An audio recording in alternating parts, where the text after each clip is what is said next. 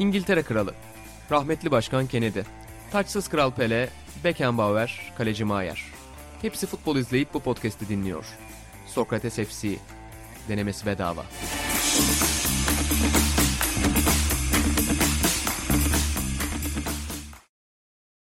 Sokrates'ten herkese merhabalar. Sokrates FC'nin yeni bölümüne hoş geldiniz. Ben İnan Özdemir, Burak Balaban ve Atahan Altınordu ile birlikte yine karlı bir İstanbul gündeminde biraz içinde karın da olduğu futbol gündemini konuşmaya devam edeceğiz. Arkadaşlar hoş geldiniz. Selamlar. Merhaba.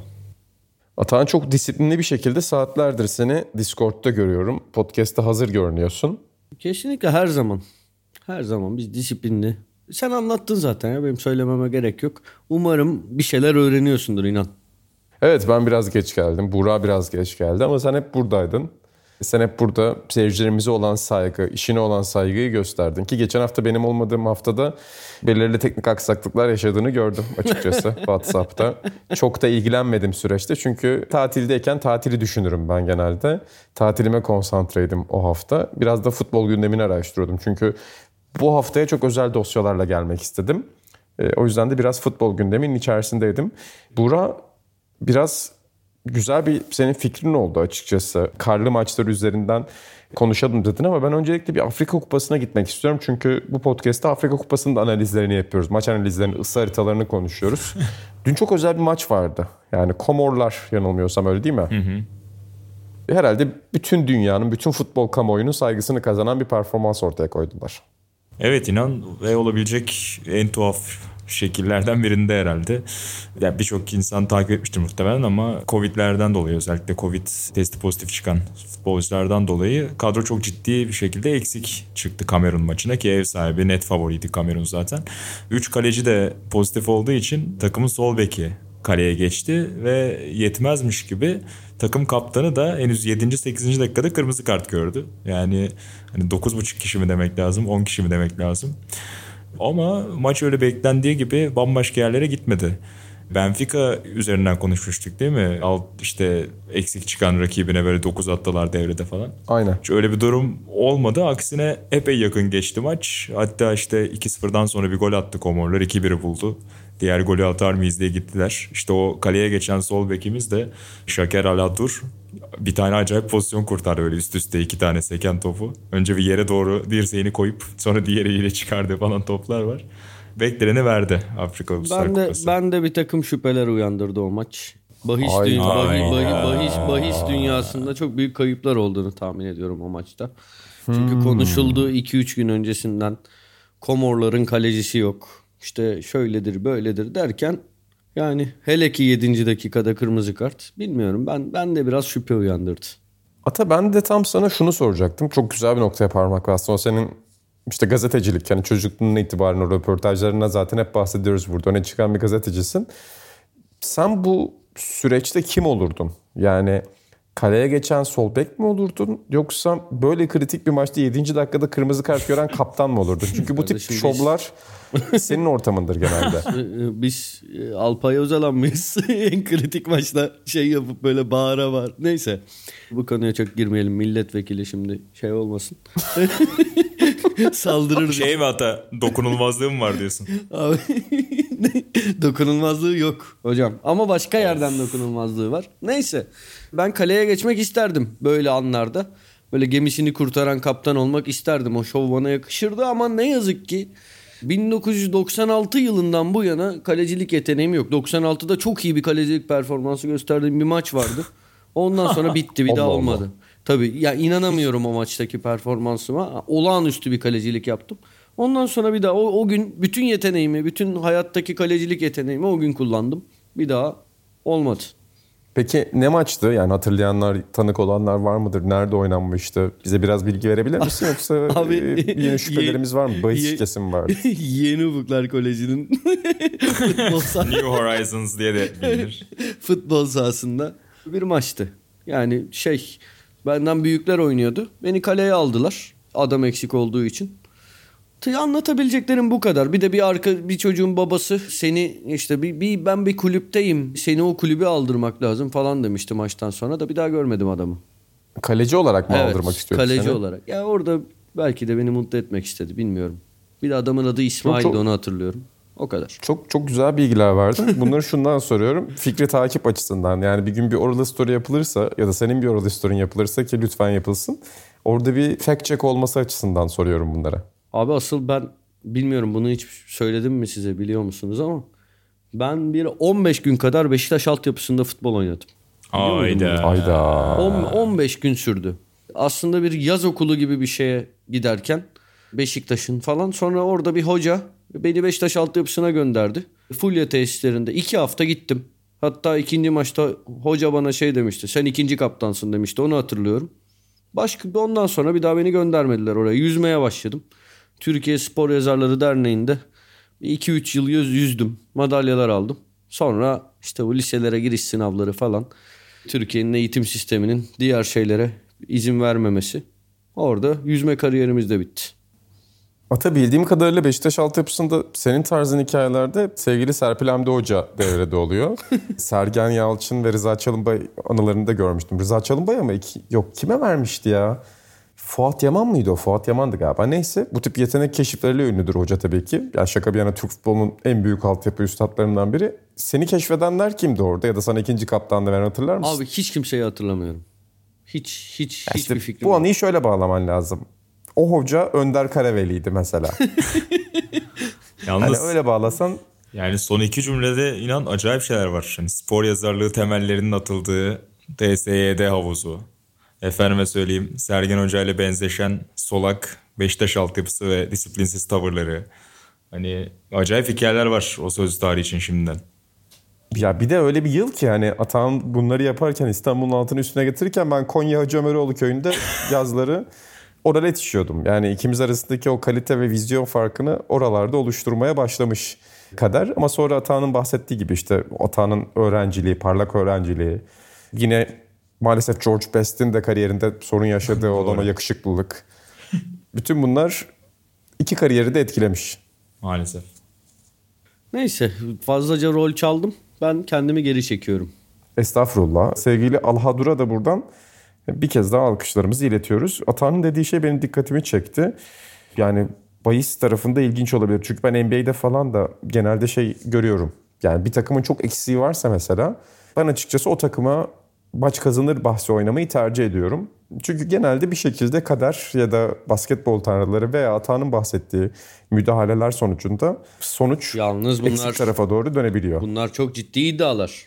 Bunlar çok ciddi iddia- iddialar. İnan bir hani sağduyulu bir spor adamı misyonu görüyorsan kendinde lütfen bu iddiaların altını doldur.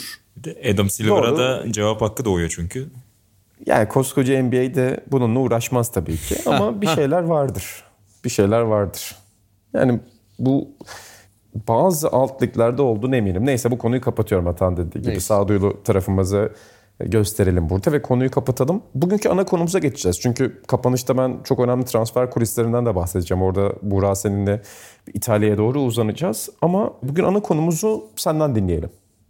Benden mi atandan diye bekledim. senden. Benden şöyle biraz yürüyüşe çıkmıştım karlı bir İstanbul gününde bahsettiğin gibi inan ve orada aklıma geldi gözümün önünde canlandı birkaç kare ve onun üzerinden bu hatırladığımız karlı futbol maçlarını e, konuşalım onun üzerine sohbet edelim dedim ve Atahan'ın da müthiş bir ilgisi oldu bu konuya o yüzden merakla bekliyorum bir yandan. Ben açılışı şunla yapayım benim hani maçtan ziyade bir antrenman görüntüsü hiç gözümün önünden ayrılmıyor.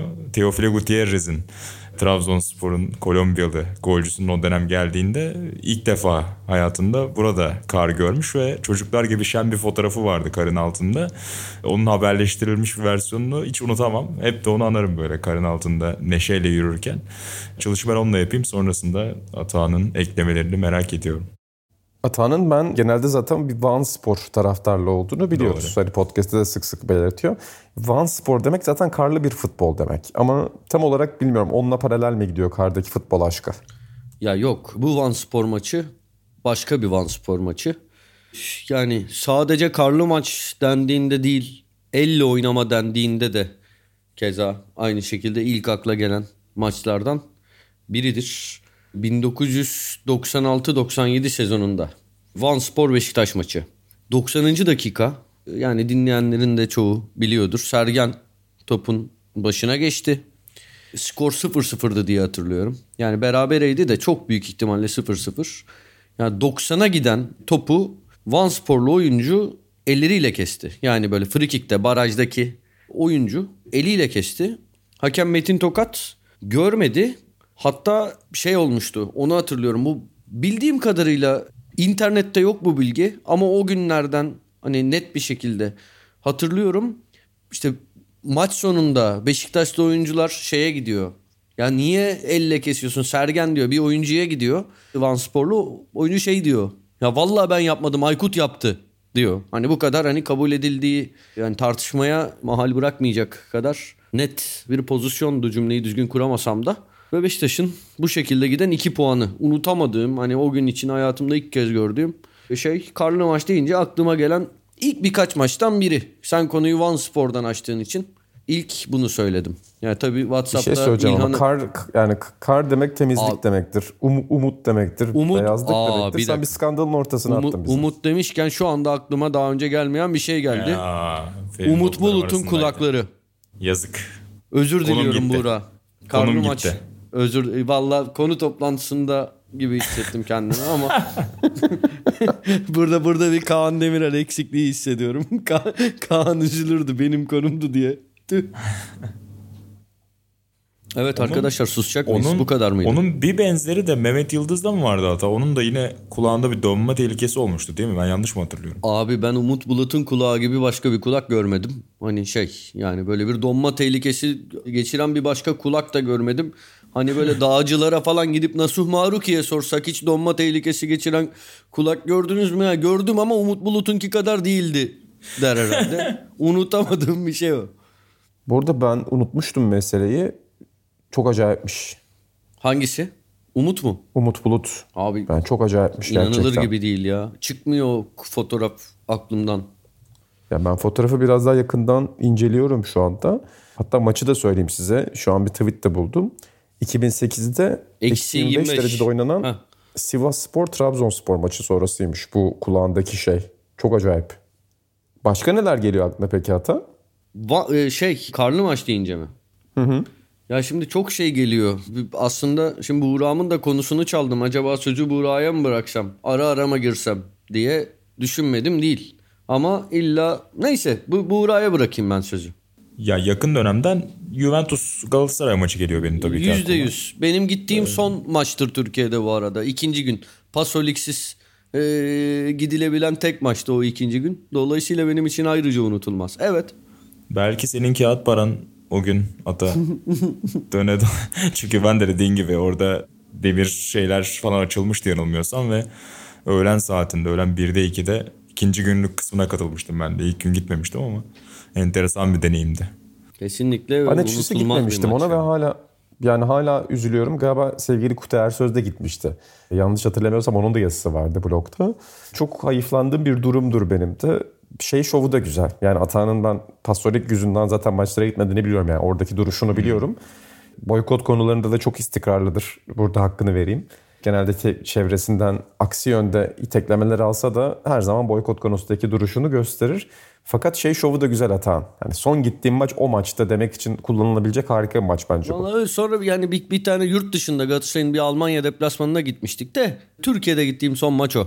Almanya'da hangisine gitmiştin? Schalke, Schalke evet. Yok. Schalke Schalke. Schalke Galatasaray maçına gitmiştim. Ulan çok güzel maçlar ben. Yok şey değil ama bu. İşte o, Ha, o sene değil. Daha maçın başında Muslera hatalı çıktı. Galatasaray daha birinci, ikinci, üçüncü dakikada öyle bir gol yedi. Çok zevksiz, kötü bir maçtı. Tamam efsanevi o Schalke şeyimiz değil. Yok değil. Vay yine bir orada iyilik eki. İyilik eki duydum. Şöyle benim için bütün zaten yurt dışında mücadele eden Türk takımları bizdir. Hani ben hepsine biz derim. Anladım. Bugüne kadar da desteklemediğim bir yurt dışında Türk takımı olmadı. Ona verebilirsin açıkçası bu ifademi ama şaka bir yana şey de çok güzel. Bugün baktım tekrardan işte Galatasaray'ın YouTube kanalında da bir o Juventus maçının böyle bir ufak bir belgeselini yapmışlar. Güzel de başlıyor belgesel şey diye işte. İstanbul Asya ile Avrupa arasında köprü görevi gören bir kenttir falan gibi bir başlangıcı var. E, sonrasında Selçuk İnan şey diyor. Türkiye futbolla yatıp futbolla kalkar. İşte Türkiye'de birine sen nerelisinden önce hangi takımı tutarsın diye sorulur. Hani nedense böyle futbolun icadından gelinmiş ama çok güzel aktarılmış detaylar.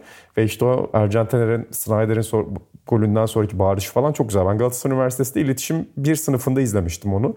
Orada projeksiyonda izlemiştim. Hiç unutamadığım maçlardan biridir. Ben de yanılmıyorsam hangi dersti? Yani mikroekonomi dersinin ortasında çıkmıştım. Öyle bir haber gelmişti. Arkadaşlar teyitli bilgi gelince girilebildiğine dair çıkıp güç bela yetişmiştim. Siz sizin de okul pratik davranmak için biraz zor bir yerde evet. Burak. Hani evet o yüzden çok hızlı yani Koç Üniversitesi'nden bir yere acil ulaşmak da çok kolay değil gerçekten aslında. Gerçekten çok kolay değil. Yani çok haklısın. 37. dakikada mı 38'de mi ne başladı zaten. Ben de böyle 43'te falan girebilmiştim zaten. İlk yarının artık son kısa bir anında girip sonrasında ikinci yarıya yakalamıştım. Yanılmıyorsam hatıram beni yanıltmıyorsam. Peki başka aklınıza gelenler neler bu anlamda? Burak senden devam edelim. Ee, benim Atan da aralara atar. Yine yakın dönem bir tane vereceğim. Bir tane televizyonda Sivas'ın mıydı ya? Beyaz forma gidişin görünmediği bir maç Abi o vardı. dü- ya inanılmaz. Evet şey, yeni yeni yepyeni bir olay. Başakşehir Sivas maçı. ya Abi bu arada bu inanılmaz. Türkiye'de ilk kez olmuyor. Hani daha önce bir Bursa Spor maçında da olmuştu falan ama bu kadar bembeyaz sahada aynı renkte forma ya bu çok komik. Gerçekten Gal- Galatasaray'da yapmıştı. Ben hatta sana şöyle söyleyeyim. 2008-2009 sezonu Gaziantep spor maçı Ali Sami Yen'de çok büyük ihtimalle Lucas Neal'ın ilk maçıydı. Öyle hatırlıyorum. O maçta da Gada yani tribünden Galatasaray'ı seçmekte zorlandığım bir maç. O maçta da beyaz forma giyilmişti ama bu kadar net yani inanılmaz bir olay ya gerçekten. Bütün dünya zaten güldü herhalde bu son Başakşehir Sivas maçına. Çok tuhaftı hakikaten. Ben yenilikçi yenilikçi bir tarz olarak gördüm onu. Yani neden yeni bir şey denemeyelim ki adı altında ben başarılı buldum açıkçası o denemeyi. Biz futbola dair sevdiğimiz şeyler podcast'i yaparken hiç acaba karlı maçta kullanılan kırmızı toptan bahsettik mi? Ben çok severim onu. Tabii sen sen senin özel bir aşkın olduğunu ben biliyorum ama bence bir kez daha açıklamalısın. Ya bu kadar. Yani açıklayacak ekstra bir şey bu kadar. Bu muydu yani Buydu. yorumun? Buydu. Biraz bize hani sen sonuçta romantik bir adamsın bir yandan. Biraz bize bir anlat bakalım o kırmızı topu. Romantik deyince aklıma Uğur Yücel'in Süleyman Demirel, Bülent Ecevit anısı geldi. Dinlemeyenler, bunu bilmeyenler lütfen Google'a Uğur Yücel, Demirel Ecevit yazıp bu muhteşem anıyı dinlesinler. Bunu söylemek istedim. Bu kadar. Ama sana maç verebilirim. Buğra'dan- Ha pardon Buğra devam. Tabii sen ver, sen ver, sen ver buyur. Veriyorum. Bu sefer Fenerbahçe'den gidelim. Bir denge politikası gözetelim.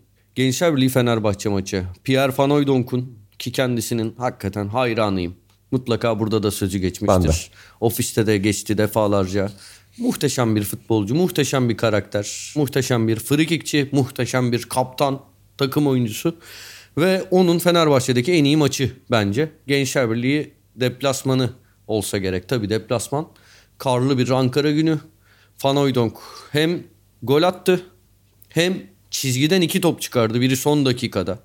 Yani bir santrforun olağanüstü mücadelesiyle takımına hem savunmada hem hücumda çok büyük katkılar verip Fenerbahçe'yi o kritik maçtan 3 puanla çıkardığı o karlı günü de unutulmazlar arasında saymalıyız diye düşündüm. Haklısın. Yani Pierre Van Hooydonk'u ben de çok severdim ama ak- aklıma şu anda Pierre Van Hooijdonk denilince şey geliyor. Sokrates'in ilk sayılarından birinde bir röportaj vardı. Sokrates ofisinde yapılan. Yanılmıyorsam Caner abiyle Uğur Ozan mı yapmıştı? Çok iyi hatırlayamıyorum şimdi kimlerin yaptığını. Fakat kayıtta bir problem olmuştu. Sevgili Pierre Van Hooijdonk'un ne dediğini çözmeye çalışırken böyle 55 takla attığımızı hatırlıyorum. O kaydı dinlemiştim ben de. Hiçbir şey duyulmuyordu. Gerçekten benim için bir noktadan sonra efsane bir futbolculuk kariyeri. işte birkaç kere Şükrü Saraçoğlu'nu da izleme şansım olmuştu kuzenimin götürdüğü maçlarda. Bütün bunların dışında maalesef o ses kaydı geliyor. Buradan kendisini de anmak istedim. Cevap hakkı da doğdu kendisine. Hani bir, eğer bize röportaj vermek isterse başka bir konuda Sokrates FC ekibi olarak da bekliyoruz. Abi, Buracığım burada sana bir, pas bir şey diyeceğim. bir maç. Pastan önce Tabii. yani gereksiz bir şey için bölüyorum ama söylemeden edemem. Pierre Van Türkiye'deki ilk lig maçı Fenerbahçe İstanbul Spor maçı aynı zamanda talihsiz bir maçtır bugünden bakınca çünkü Fenerbahçe'nin kalesini Enke koruyordu ve 3 gol yediği ma- o maçtan sonra Fenerbahçe kariyeri de beklenenden çok çok daha kısa sürdü.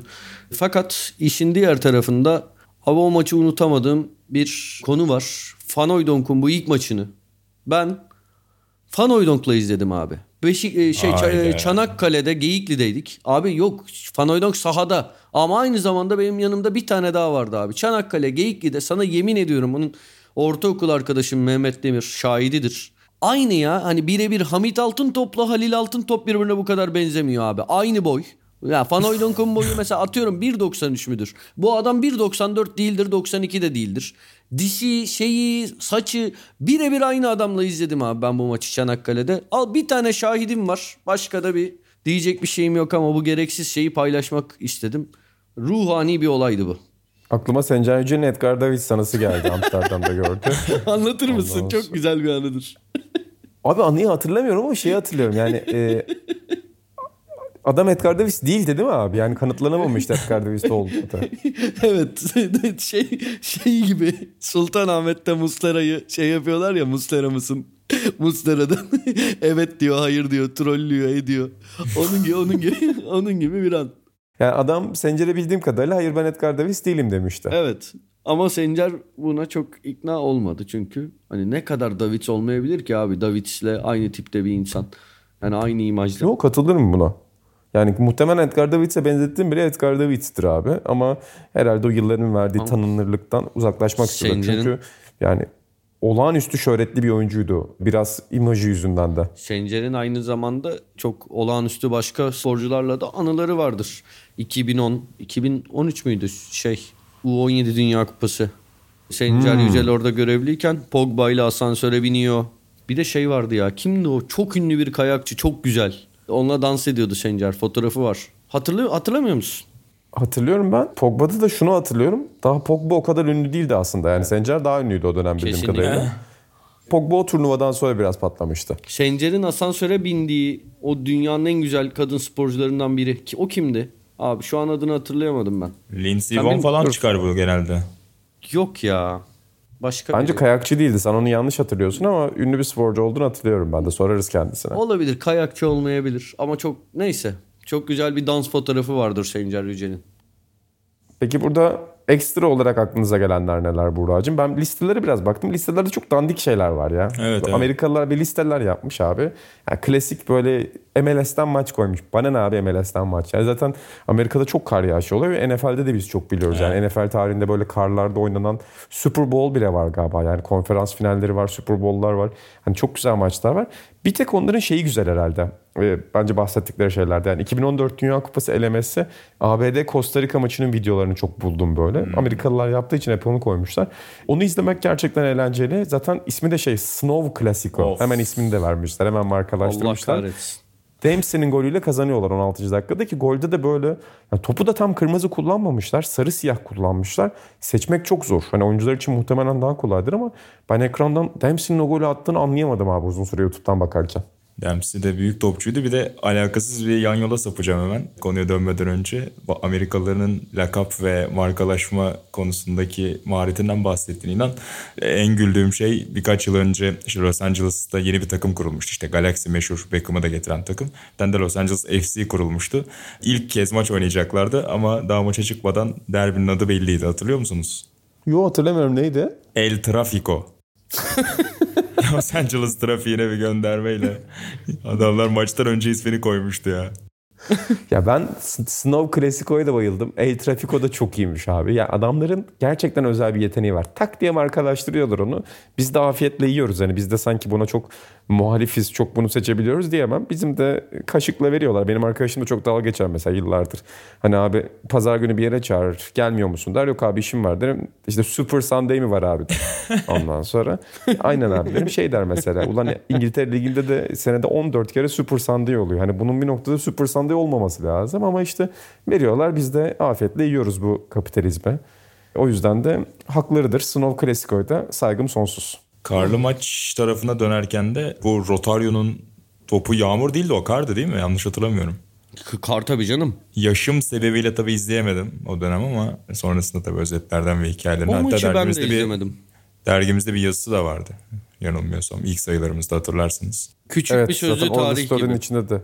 Biraz Hani böyle All the Story'nin içinde de geçerdi zaten. hikayeli bir sanki bir yazar alternatif bir sonla onu hikayeleştirmemiş miydi aynı zamanda? Bir de öyle bir sanki Evet. hatırlıyorum değil mi? İki farklı şekilde Evet, işledik abi. aynen. Bir öyle hikayeli kısımda işledik. İki de şey orada story içinde işlemiştik. Neydi o bölümün adı? Velevki miydi?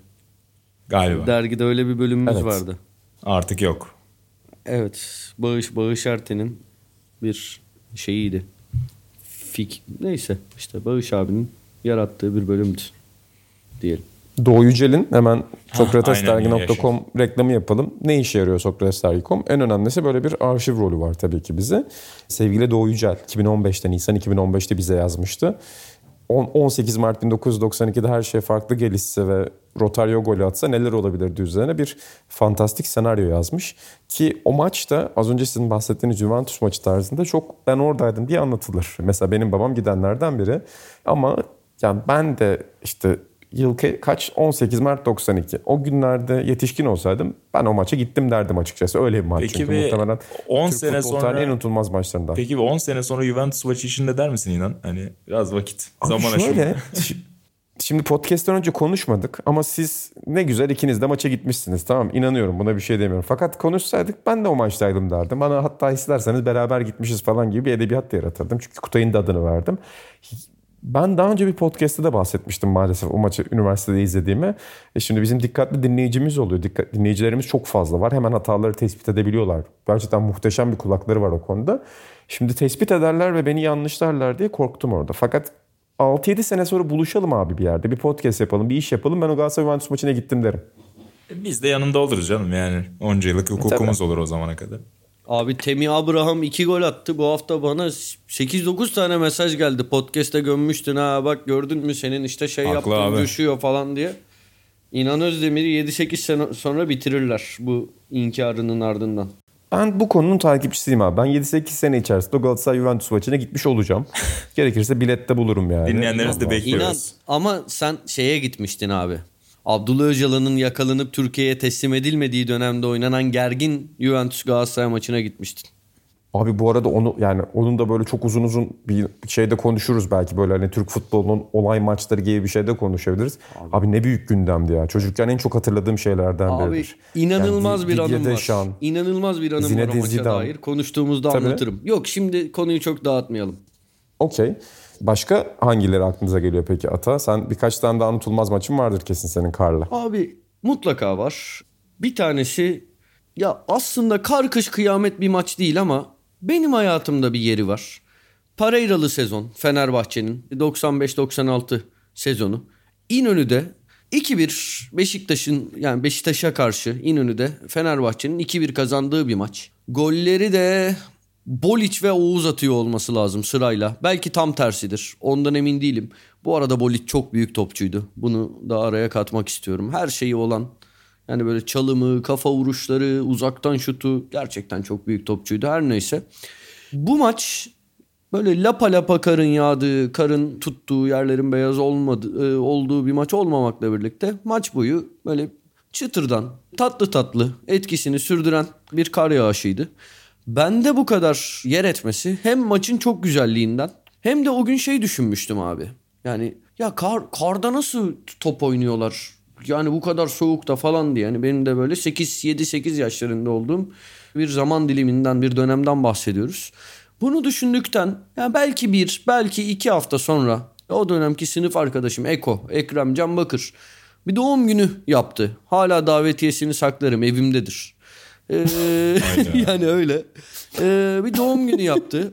Ama o doğum gününde gittiğimiz yerde bir futbol sahası vardı. Deli gibi kar yağıyordu. O gün top oynamamıza böyle annelerimiz izin verdi ve karın altında futbol oynadık. Kendimi müthiş yetişkin hissetmiştim bak.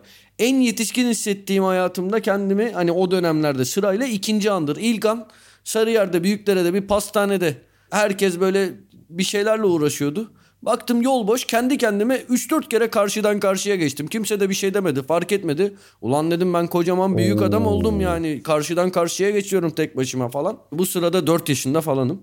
Ondan sonra da bu karın altında futbol oynayınca kendimi çok yetişkin hissetmiştim. Bu ikisinin iki maçın yani hem bizim o sahadaki maçımızın hem bu Fenerbahçe Beşiktaş maçının arka arkaya gelişi bende o Fenerbahçe Beşiktaş maçını unutulmaz kılmıştır. Ve davetiye yollayan arkadaşın kimdi? Ekrem Can Bakır sınıf arkadaşım. Çok e, ilginç Hayda. biriydi. Sadece çarşamba günleri ellerini yıkardı. Falan böyle garip bir garip bir arkadaşımızdı. Çok zeki bir çocuktu. Zehir gibi.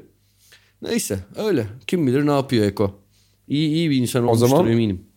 Ee, o zaman ata yani seni sevgili ekrandan uzaklaştırdım. Soyadını vermesen bugün sevgili İBB'nin başkanı Eko dedi diyebilirdin ona kendisine ama ben sizi buradan uzaklaştırıp bugün keşfettiğim bir dosyaya götüreceğim Şey, ekleyeceğiniz başka kıs- maç yoksa. kı- kısa kısa bir iki maçtan bahsedebilir miyim? Kısa. Tabii an. E, unutulmaz bir maç olduğu için hani şimdi nasıl ki Werder Bremen maçını burada hiç bahsetmesek beyler siz ne yapıyorsunuz derdi insanlar haklı olarak.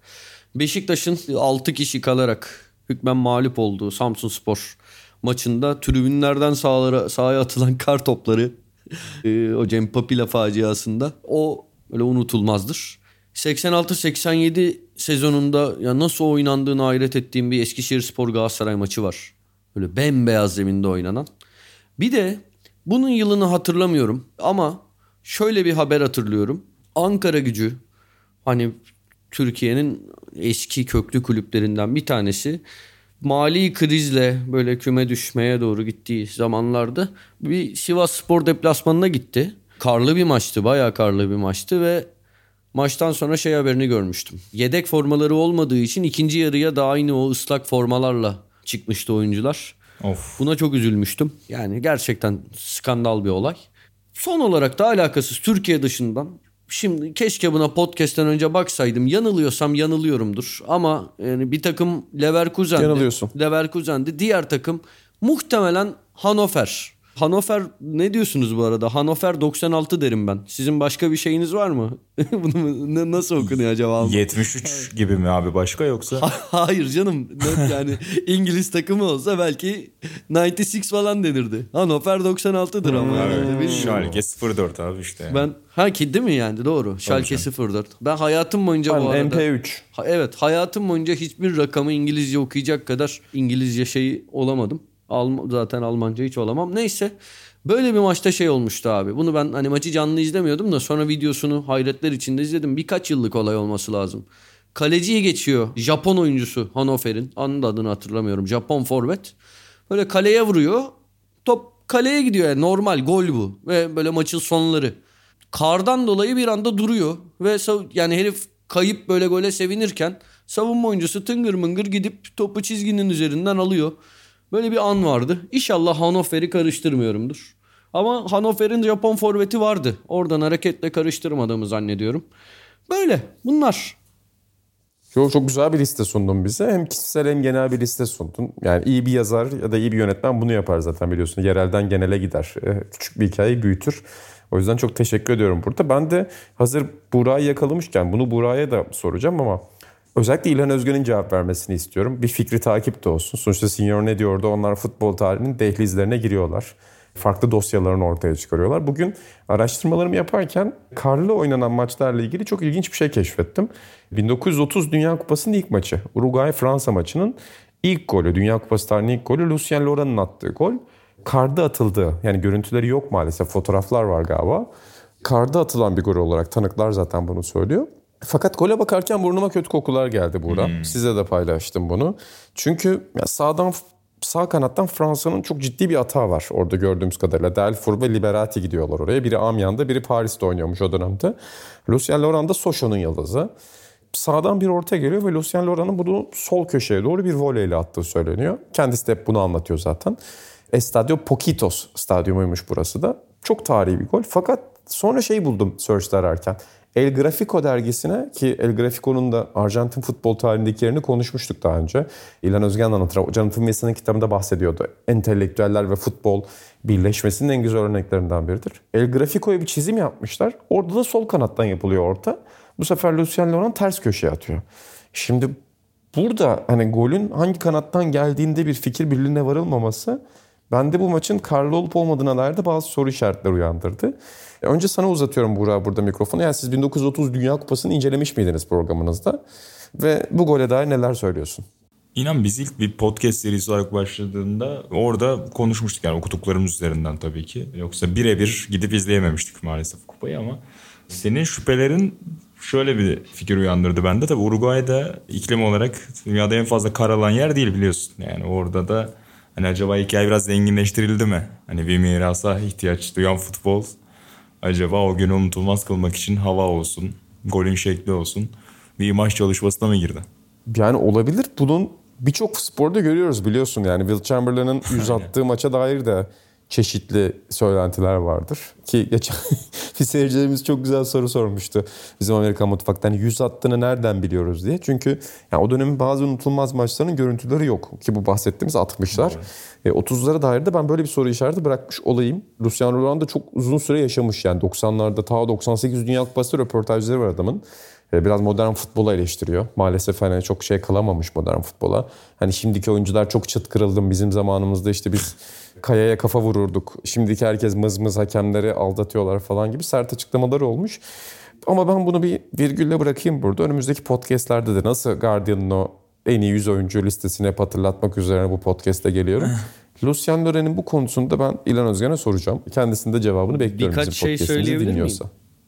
Tabii. Zihnimde canlanan iki şeyi söyleyeceğim. Birincisi bu kışın oynanıyor ya 1930 Dünya Kupası hani bahsettiğin gibi.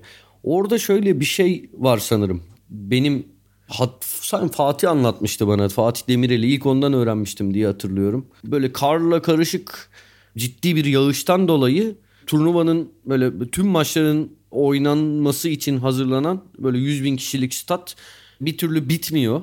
Böyle turnuvanın birinci haftasının sonunda mı ne bitiyor? Sonrasında açılış töreni yapılıyor. Ama yani o seremonide tüm takımlar var. Ama böyle Brezilya'nın da içinde olduğu 5-6 takım o sırada elenmiş. Yani ona rağmen açılış seremonisine katılıyorlar. Böyle bir hikaye var. İkincisi bir de şey dedin ya El Grafico. El Grafico deyince de zihnimde benim şey canlanıyor. Kolombiya Arjantin maçı. Bu şeyin 94 Dünya Kupası'nın işte CONMEBOL elemelerinde Kolombiya'nın 5-0 kazandığı, Arjantin'in tarihinin en ağır yenilgisi, keza Kolombiya'nın tarihinin en farklı galibiyeti inanılmaz bir skor. El Grafico deyince hep o maçtan sonraki siyah kapağı gelir aklıma. Tarihinde ilk ve son kez siyah kapakla çıkıyorlar. Rezillik mi ne Vay. öyle bir manşeti var. Böyle El Grafico deyince bunu da not düşmek istedim. Kötü mü ettim? Yo çok güzel söyledin. Hani Brezilya olsa şey manşeti mi acaba var diye düşünürdüm. Bre- Brezilya falan hani o tip bir manşet mi diye düşünürdüm. Herhalde futbolun kara günü. O tip bir manşetle Bil- çıktı. Bilmiyorum. Evet, Sadece bu İspanyolca'da ünlem arası cümleler var ya. Önce ters ünlem, sonra düz ünlem. Böyle siyah kapağın üstünde kocaman öyle tek kelimelik bir cümle yazıyordu. Üstünde de Arjantin 0, Kolombiya 5 veya Kolombiya 5 Arjantin ama yok Arjantin'de maç. Altında da bir takım soru cümleleri vardı. İşte Maradona'yı falan sorgulayan bir şeyler vardı. O kadar. Ki o maç Allah çok- Biliyorsunuz zaten... Aspiriya hastasıydım o maçta. Ha söyle söyle bu. Yo, yo, sen, sen söyle abi, ben sonra söyleyeyim. Bu kadar ya. Aspirinya'nın ya inanılmaz bir şovu var o maçta. İnanılmaz bir şov. Yani bu bunu diyecektim. Yani golü, asisti falan yani inanılmaz. İnanılmaz bir futbol. Ki Bu senin Aspiria'nın dünyanın en iyi futbolcusu olduğunu düşündüğün dönemler değil mi? Evet. Buğra bir şey diyordun. ya şeyi söyleyecektim sadece o maçla beraber yani Arjantin'deki etkisinden sen bahsettin. Tüm dünya futbolundaki etkisi de Kolombiya'nın 94 Dünya Kupası'na işte neredeyse favoriler arasında sayılarak gelmeye Evet. başlaması. Orada yaptığı etki ve sonrasında işte dolaylı bir şekilde de Maalesef. belki de o beklentilerin Maalesef. Escobar'ın ölümüyle sonuçlanması aslında. ilk tohumlar orada atılıyor dediğin gibi. Abi hatta bir Hatta şey bir şey söyleyeyim senin mi? bahsettiğin şeyi buldum. Önemli bir şey. Ha, Başlığı da buldum. neymiş? Tabii. Ha, sen buyur. Ha şöyle abi ver, vergüenza Ne demek acaba? kelime. Utanç demek. Utanç. Yani yüzün kızarır ya onu anlatır. Berguenza. İnan. Ata senin aklına önemli Ha, bir ben şey gelmişti. Şöyle bir şey yine işte Buğra Escobar'ı hatırlatınca aklıma geldi. Bu Kolombiya'da bu maçtan sonra da halk sokaklara dökülüyor. Ve böyle bu sevince alışık olmayan biraz da o coşkuyla medeniyetten uzaklaşan taraftarlar ciddi olaylar yaratıyor. Böyle şu an abarttığımı zannetmiyorum ama aklımda kalan sayıyı söyleyeyim. 100 ölü böyle bin yaralı falan. Hani öyle bir şey var. Yaralı bir taraftarla röportaj yapıyorlar. Hani ona orada şey diyor. Hani bunu bir daha hayatta göremem. Dünya Kupası'nda takım tur atlarsa Yine e, hani sokağa çıkacağım yine bu olaylar e, yaşanacak. Bence bunlar çok normal. Hani benim yaralanmam önemli değil. Ben yaralanmışım ne olmuş falan diyor.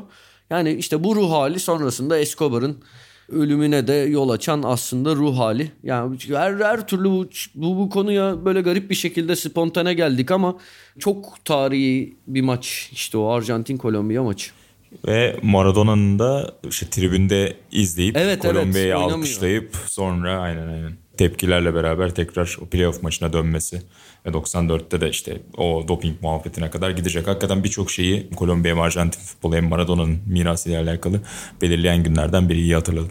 Çok güzel bir yere götürdünüz arkadaşlar. Şu an sizi büyük bir keyifle dinledim. Ya ama Ben bu inan, podcast'ten ayrılıyorum. Öyleyiz abi biz. Yani her şeyden öyle bir spor birikimi ki her şeyden böyle aa o maçı hatırladım bu maç. Pişt, acayip bir şey. O zaman size bir kulis sorayım kapatırken. Ya bu konuyu kapatıyorum artık. Karı bir kenara bıraktık. Günlerde zaten çok ciddi baskı altındayım. Her kar yağışında çok değerli eşim tarafından neden dışarı çıkmıyoruz sorusuna götürülüyorum. Ondan sonra o yüzden çok ciddi baskı altındayım. Sizlerin de fotoğraflarını gördüm. Buracığım sen de çıkmışsın Doğru. karda dışarıdaydın. Görevini yapmışsın orada sen de. Ama bir kulis sormam lazım. İkiniz de futbol dünyasının içinde kulağa çok kabarık olan isimlerseniz. Juventus bugünlerde bombayı patlatacak mı Buracığım? Vlahovic'i alıyorlar mı? Şu an menajeri kulüp binasında inan onu söyleyebilirim Vlahovic'in. Gerçek mi bu? Yok değil de yani muhtemelen öyledir. Ama çok yakın çünkü şeyi görüyorum. Fabrizio Hoca'yı takip ediyorum. Futbolun voju Aynen. herkes gibi. Onda görüyorum böyle şeyler. Şaka bir yana muht- ya o, o öyle olabilir zira yarın işte e, artık imzaların atılacağı söyleniyor. Vlahovic'den çokça bahsettik. Fiorentina'nın büyük yıldızı. İşte Arsenal istiyordu. Önümüzdeki yılın sonunda kontratı bitecek Fiorentina'da ve yenilemeyeceğini söylemişti. O yüzden herkes peşine düştü Vlahovic'in. Arsenal işte 60-70 milyon eurolara kadar çıkmıştı ama Vlahovic biraz daha herhalde Şampiyonlar Ligi'nin gediklisi bir takımı tercih etti. Bazı çıkan haberler de işte menajerinin komisyon taleplerinden ötürü bir türlü anlaşamadıkları yönündeydi ama sonunda Juventus devreye girdi ve direkt devre arasında işi bitirmek için Fiorentina'yı ikna etti. Normalde onlar yazın satmak istiyorlardı ama Juventus eğer hani şu an olmazsa kontratın bitmesini bekleriz demiş. O yüzden de 75 milyon euro civarına iş bitiyor. İki boyutu var bence. Birincisi tabii ki Juventus için çok büyük bir kazanç. Her ne kadar işte finansal olarak zorlanabilecekleri yazıyordu bugün İtalyan basınında ama işte Dybala'nın kontratı bitiyor. Ondan açılan maaş boşluğuna muhtemelen Vlahovic'i yedirecekler önümüzdeki seneden itibaren. Morata gibi, işte Keane gibi hep böyle bir acaba sorusu olan forvetlerle oynuyordu. Juventus oraya çok çok net bir figür getiriyorlar. Daha önce de biraz söyledim yani bizim jenerasyonun muhtemelen Van Basten deneyimine en yaklaşabileceği oyuncu olacak bir sakatlık olmazsa oyun tarzı olarak Vlahovic. O yüzden çok büyük bir imza attı Juventus. Bir diğer tarafı da lig tarafında. Zira tüm büyük yıldızların hani Premier Lig'e doğru ilk böyle başlarını çıkarttıkları anda gitmesine alıştığımız bir evrende Serie A'nın yüzü olmaya aday bir oyuncu Vlahovic. Onun üzerinden çok fazla tanıtım yapıyorlardı zaten sene başından beri. Onun da ligde kalması Serie A için sevindirici haber. Yani bana maç açtırır mı? Ben sıradan bir izleyiciyim. Yüzde Çok yüz. az İtalya Ligi izliyorum. Ben bu hafta sonu mesela ya da gelecek hafta sonu oturup izlemeli miyim veya Juventus'a gidince? %100 inan. Yani sene başından beri işte bir iki haftadır biraz böyle o gidiyor mu kalıyor mudan dolayı oynatmadıkları maçlar oldu ama onun dışında ne zaman Fiorentina maçı açsan gerçekten çok çok büyük bir seyirlik sunuyor Vlahovic. Yani sadece bitirici değil. Aynı zamanda alan açıcı, bağlantı oyunda oynayabilen, işte fiziği yerinde her şeyi yapabilen bir oyuncu gerçekten. Çok komple bir forvet. Çok heyecan verici. Pe- Peki üçüncü boyut. Arsenal'de ister miydin abi? İtalya'nın yüzü olması önemli ama sen kişisel olarak Arsenal'de ister Abi, miydin? Tabii ki ya. Tabii ki yani. Ben hiç inanmayarak başladım ama biliyorsun bu haberler bir anda 30 saat içerisinde çığa dönüşür. Hemen öyle oldu. Bu iş bitti. Menajeri şuymuş. işte bilmem nereden askerlik arkadaşımız gibi haberler epey bir çıktı bir haftadır ve çok takip ettim ama maalesef her zaman olduğu gibi hüsran oldu. Biliyorsun şey vardı. İşte Messi'yi ikna etmeye çok yakındı Arsene Wenger. İşte imzadan döndü muhabbetleri. Ronaldo için çıkar. Muhtemelen bir 15 yıl sonra da Vlahovic için çıkacak. Neredeyse Arsenal'a imza atıyordu o gün diye. Hakikaten önemli bir kırılma noktası olabilir senin söylediğin gibi. Atan sen memnun musun bu hamleden, bu transferden? Ben başka iki şey söyleyeceğim. Bir, Arsenal'ın kapısından dönen futbolculardan biri de Rüştü Reçber'dir ve Rüştü Reçber bunu, bunu şöyle açıklar. Biz anlaşmıştık. Ben şundan dolayı vazgeçtim. Arsene Wenger işte kayınbiraderi miymiş bir şeymiş bir menajer sadece bununla çalışacaksın falan. Arsene Wenger benim üzerimden komisyonculuk yapacaktı diye bir iddiası var. Rüştü Reçber'in. Birincisi onu söylemek istedim. İkincisi Alpay'la başladık. Vlahovic'le bitirdik. İşte bu da böyle bir Hayda. podcast. Başka Vlahovic ama yine de Vlahovic mi? Vlahovic. Hadi Bence buyurun. artık kapatalım bu podcast. Hakikaten öyle. Yani şu an titriyorum. Şey farkını da görmüş olduk burada yani. Senin o dokunuşunun, moderasyon farkının ne kadar değerli olduğunu da görmüş olduk. Estağfurullah. Yani şey ve lütfen beni bu kadar övmeyin. Sencer Yücel'in burada daha güzel lafları vardı. Onu taklit etmeye çalıştım ama olmadı ya. Böyle ne derdin? Yok abi çok haklısın. Bitiriyorum. Bitiriyorum. Uzatmadan bitiriyorum. Çok güzel bir şey yaptınız. Çünkü bu konunun üzerine daha konuşmak istiyorum fakat Alpay futbolcu olarak konuşmak istediğim bir insan değil. Çünkü Alpay konuşmak istediğim bir insan değil. Sen sizin de aynı hislere sahip olduğunuza inanıyorum bu anlamda. Yani tüylerimi diken diken eden 453 insandan biri son dönemde. Ee, ama yani satrançta da çok fazla sonuçta neyse bir şey şimdi piyon benzetmesi falan yapacaktım da piyon benzetmesi yapmaya bile layık görmüyorum. Kapatıyorum podcast'i. Sokrates FC'nin bu bölümünde ben İnan Özdemir, Atahan Altınordu ve Buğra Balaban'la birlikte New Horizon College'dan başladık efendim. Euro 96'ya gittik. Arada El Grafico manşetlerine uğradık. Bizi kendi feedimizden takip etmeyi, bütün podcast dinlenen yerlerde takip etmeyi unutmayın. Yeni bölümlerde görüşmek üzere diyelim. Hoşçakalın. Elveda. Hoşçakalın.